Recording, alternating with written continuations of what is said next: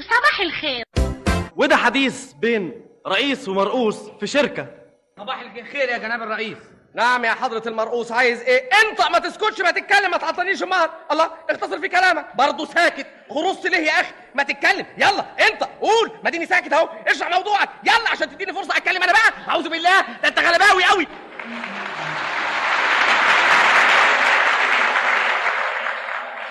الحكايه يا فندم بس بس بس خلاص مش اتكلمت وشرحت موضوعك خلاص اديني فرصة بقى انا اقول حاجة ده انت كثير الكلام قوي يا اخي يا فندم ليا طلب انه يعني الطلب مرفوض يا استاذ خلاص اطمنت المقابلة انتهت مع السلامة يلا يلا يلا يا فندم مراتي مالها مراتك يا افندي ايش جاب مراتك يا افندي هنا في شغل الشركه انت هنا مش في بيتكم احنا هنا في شركه وجاي حضرتك تكلمني عن مراتك